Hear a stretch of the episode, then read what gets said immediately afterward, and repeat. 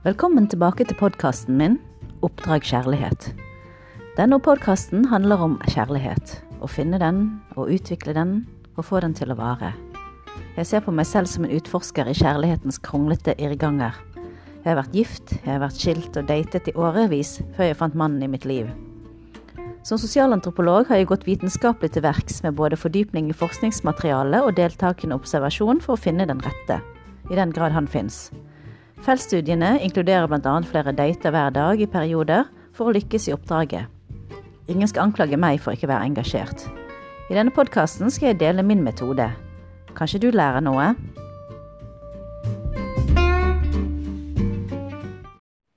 I dag skal jeg presentere en metode for hva du kan gjøre for å skille klinten fra hveten. Som jeg sa sist gang, prøvde jeg og feilet i mange år. Men etter hvert fant jeg nøkkelen til hva som gjør et forhold bra for meg. Det er ikke sikkert at disse kriteriene er akkurat det du trenger, men de vil definitivt gi deg en pekepinn om hvordan du kan gå frem. Hva du bør egentlig se etter hvis du vil finne ut om noen er verdt å satse på. Metoden kan også brukes når du vurderer å gå fra noen. Noen ganger er vi fulle av irritasjon og er drittlei. Men det er ikke sikkert at du bør gå likevel, fordi gresset er ikke alltid grønnere på andre siden av gjerdet. Det kan hende at du er med den beste mannen for deg allerede, men det har jeg glemt det i den travle hverdagen. Da er det på tide å grave frem de gode minnene som kanskje kan føre til at følelsene våkner til liv igjen. Da jeg var ung, jeg tror jeg bare var tolv år, da jeg begynte å lage lister over egenskaper jeg ville at min fremtidige mann skulle ha. Han skulle være pen, veltrent, intelligent, ha en god jobb, jeg skulle være forelsket i han, han i meg, osv. Jeg tror det var slik jeg valgte min forrige mann. Men når man har vært gift i noen år, skjønner man at det ikke er nok. Det spilte ingen rolle hvor bra han var, hvis han ikke var bra for meg. Vi kvinner kan også være ganske storforlangende, men ofte tenker vi for lite på vår egen lykke og det som gjør oss lykkelige, spesielt etter at vi har fått barn. Når vi er i 20-årene, kan vi oftere velge å vrake, men etter hvert blir vi eldre, og da skifter maktforholdet slik at mannen får makten. Men det betyr ikke at du må ta deg til takke med de som er interessert i deg, det vil uansett være noen der ute som er på jakt etter akkurat deg. Men du må være der for å finne ham. Jeg kjenner noen som var nesten 60 før hun fant sin livs kjærlighet etter å ha vært gift i mange år i et forhold som bare ble dårligere og dårligere. Men vi leser jo også om folk som finner hverandre i sykehjem. Nei, kjærligheten har ingen alder, men det er bare ikke like lett å treffe noen, fordi man er ikke så aktiv som da man var yngre. Etter mye prøving og feiling utviklet jeg heisteorien for å lettere skille klinten fra hveten. Heisen kan være et fint symbol på et forhold, da en heis kan gjøre at livet ditt føles som topp. Heisen tar deg til topps, men kan også ta deg ned til bunnen, til kjelleren. Heis er et akronym som står for H, at hjertet banker hardere, raskere, at du genuint føler at du er glad i noen. E, at de stimulerer ditt ego, får deg til å føle deg bra. At de får frem det beste i deg og oppmuntrer deg istedenfor å trykke deg ned. I at det gir deg intellektuell stimulans eller inspirasjon. S seksuell kompatibilitet. Det var heisteorien. Jeg skal komme litt mer tilbake på hva det står for etterpå. Men det hører til historien at teorien bare startet som hei, da jeg først ikke tenkte på S som i at sex er så viktig. Men en venninne minnet meg på det, og da ble teorien enda bedre. De fleste forhold starter kanskje med hele heisen, men så gidder man kanskje ikke å gjøre ting for den andre for at de skal føle seg bra. Da forsvinner E, man slutter å snakke sammen, gjøre ting sammen, så forsvinner I. Kanskje man slutter å ha sex, eller har det bare én gang i måneden. Og da ganske dårlig sex, for det går fort. Og til slutt er det bare H igjen. Man er glad i hverandre. La meg gå litt nærmere inn på de fire kriteriene. H står for hjertet og følelsen av å være betatt av noen. At hjertet banker fortere. Som kan være viktig for at man får en dypere forbindelse mellom to personer. Det er kjemien som gjør at man føler at man hører sammen i starten. De fleste har opplevd at hjertet banker fortere, har vi ikke? Ofte vet vi ikke hvorfor. Men samtidig er det ikke alltid så lurt å lytte til det bankende hjertet, fordi det ofte er folk som vi anser som mer spennende enn oss selv, som får hjertet til å banke. Men disse menneskene er ikke alltid så bra for oss. Så det er en utfordring å skille de som vil oss vel, fremfor de som bare tenker på seg selv. Det er ofte vi ikke får de vi nettopp vil ha, fordi at eh, den typen som ikke slår seg til ro, det er den som er mest spennende. Derfor må vi redefinere i vårt eget hode hva slags partner vi ønsker. Jeg tenker samtidig at man også kan lære hverandre å kjenne og elske hverandre uten fysisk tiltrekning i starten. Da vil hjertet banke hardere etter hvert. Det går faktisk an, det også. E står for bekreftelsen av deg selv, ditt ego. For å være i et forhold og ha det bra over tid, må man føle at man blir satt pris på. Om ikke forgudet, så virkelig respektert og verdsatt. Hvis man er i et forhold der partneren får en til å føle seg liten og utilstrekkelig, vil det ødelegge selvbildet over tid.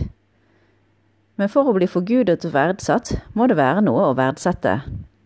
Du må selv føle at du er verdt å bli verdsatt, at du fortjener det. Altfor mange kvinner lever sitt liv som de må unnskylde seg for å være den de er. Stopp med det. Det første steget er å verdsette seg selv, og vite hva du trenger for å føle deg bra. Men du må også være villig til å gi det tilbake. Altfor mange tenker at de bare skal bli forgudet, og ikke gi noe tilbake. Det slår meg som følelse av det de kaller for entitlement. Altså, du har rett på noe. Det har du ikke. Så det der er også en balanse man må finne frem til. Historien bak E var at jeg var sammen med en mann som var bra på mange måter, med unntak av at han ikke fikk meg til å føle meg noe bra. Han ville stadig vekk forandre meg til noe jeg ikke var. Jeg hadde en gang nevnt at jeg ikke likte så godt strekkmerkene jeg hadde fått etter fødselen, så han tilbød seg å betale for en operasjon for å få dem vekk. Det var sjenerøst nok, det, men det han ikke kjente, var at jeg ville at han skulle si at det var helt greit, at han elsket meg til tross for strekkmerkene. Men det gjorde han ikke og dette var noe vi kranglet om resten av forholdet. Jeg følte at jeg ikke var god nok, og uansett hvor mye han forsikret meg om at han var glad i meg, lå dette og ulmet. Jeg ville ha noen som boostet mitt ego, ikke som fikk meg til å føle meg utilstrekkelig.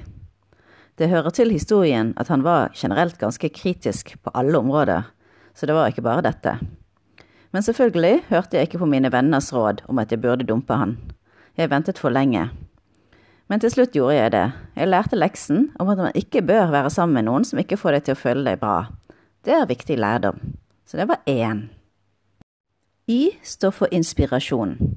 Det betyr at man har noe å snakke om, eller gjøre noe sammen som gir det energi, stimulerer, gir litt motstand, slik at man får reflektert, tenkt tanker sammen. Noen stimuleres av litteratur, andre stimuleres av prosjekter i hagen eller skiturer. Det viktigste er at par har noen områder de kan utfordre hverandre, og arenaer der de kan samhandle. Viktigheten av inspirasjon forsto jeg da jeg har vært sammen med en mann som jeg etter hvert ikke hadde noe å snakke med. Forholdet ble helt dødt fordi vi ikke kunne gjøre noe annet enn å krangle til slutt. Det tappet meg for energi istedenfor å gi meg energi. Det var rart. Fordi i starten hadde vi vært enige om mye, planene våre for livet så ut til å passe sammen men først etter en periode ble det tydelig at dette ikke gikk. Også her ventet jeg for lenge. Man håper og tror at ting vil endre seg, men det gjør de sjelden. Hadde han i det minste vært kjedelig helt fra starten, da hadde jo ikke det blitt noe forhold. Noen ganger spiller vi våre roller så godt at det ikke blir synlig før vi har knyttet så sterke bånd at det er vanskelig å bare dra. Men ja, I for inspirasjon er viktig for å holde energien ved like, så det er et godt tegn for om et forhold er liv laga. S står for seksuell kompatibilitet, at man passer sammen i sengen og har det godt sammen. Det betyr at man er like åpen for de samme tingene. Hvis man finner noen som er altfor eksperimentell på en måte du selv ikke er det, vil det i det lange løp bli problematisk. I starten er alt mulig greit når det gjelder sex. Man blir opphisset av at det er nytt, utforskningen. Men etter noen år blir man lei det samme gamle, og man må jobbe for å holde forholdet ved like. Spesielt den delen av forholdet. Og da blir det problematisk hvis den ene vil eksperimentere mer enn den andre. Og den delen er viktig uansett for å holde liv i forholdet, fordi at sex utløser hormoner som binder paret sammen, spesielt når man får orgasme. Det finnes par som ikke har sex og ikke er så interessert i det. Men da er det viktig at de har like liten sexlyst. Hvis én vil ha mer enn andre, vil det før eller siden bli et problem. Noen blir også altfor lenge i et forhold fordi en av delene er veldig bra, eksempel sex, men det er ikke nok i lengden. Tenk etter når du er sammen med mannen din. Banker hjertet ditt hardere? Føler du deg vakker og verdsatt? Får du energi når dere er sammen? Har dere det bra i sengen? Jeg testet min teori i et middagsselskap en gang, og de færreste kunne si at de hadde alt. Noen forhold har ikke alle de fire faktorene, men det er ikke sikkert at det er de samme faktorene som er like viktige for alle mennesker. Du kan lage din egen heisteori som kommer fra ditt hjerte. Du må vite hva som er viktig for deg. Det er lettere sagt enn gjort, fordi forskning viser at folk faktisk ikke vet hva de liker, som jeg snakket om i forrige episode. Min erfaring er at de fleste forhold har to eller tre av bokstavene. Men jeg mener at for moderne forhold til å fungere over tid, så må man ha alle fire faktorene. I en tid der kvinner tjener sine egne penger og har sine meningers mot, vil jeg påstå at man trenger hele heisen for å være lykkelig. I tradisjonelle forhold der ekteskapet ofte er arrangert, trenger man ingen av delene. Man har et arbeidsfellesskap, og man skaper en familie som skal vare over tid. Kanskje man utvikler følelser for hverandre etter hvert. Men det er lojaliteten som er det viktigste. Så oppsummert heis. Hjerte, ego, inspirasjon og sex. Hvor mange bokstaver har du? Husk at du også kan vekke liv i hele heisen hvis du er villig til det, så slaget er ikke tapt selv om du bare har HE eller IS eller en annen kombinasjon. Det skal jeg snakke om i en senere episode og jeg har faktisk en annen teori på langtidsforhold. Neste gang skal jeg fortelle om hvordan jeg brukte den teorien i mitt eget liv, med konkrete eksempler. Hva som gjorde at jeg gjorde det slutt, hva som gjorde at jeg landet på mannen i mitt liv.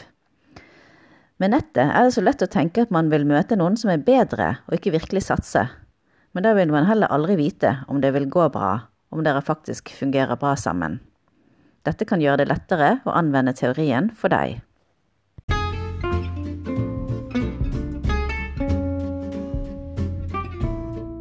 Tusen takk til deg som lyttet til denne podkasten. Mitt navn er Win Lam. Du kan også abonnere på denne podkasten, slik at du får varsel hver gang det kommer en ny episode. Hvis du deler med venner og kjente, kan vi kanskje sammen spre kjærligheten. Du kan også få tips om kjærlighet og lære om min metode på min blogg, topplovetips.com. Der er det artikler om hvordan du kan møte en kjæreste, tips om hvordan du kan vurdere om han har noe å satse på, og hvordan du får forholdet til å vare. Det er ikke så mange artikler der ennå, men de kommer etter hvert. Sjekk det ut. TopLoveTips.com.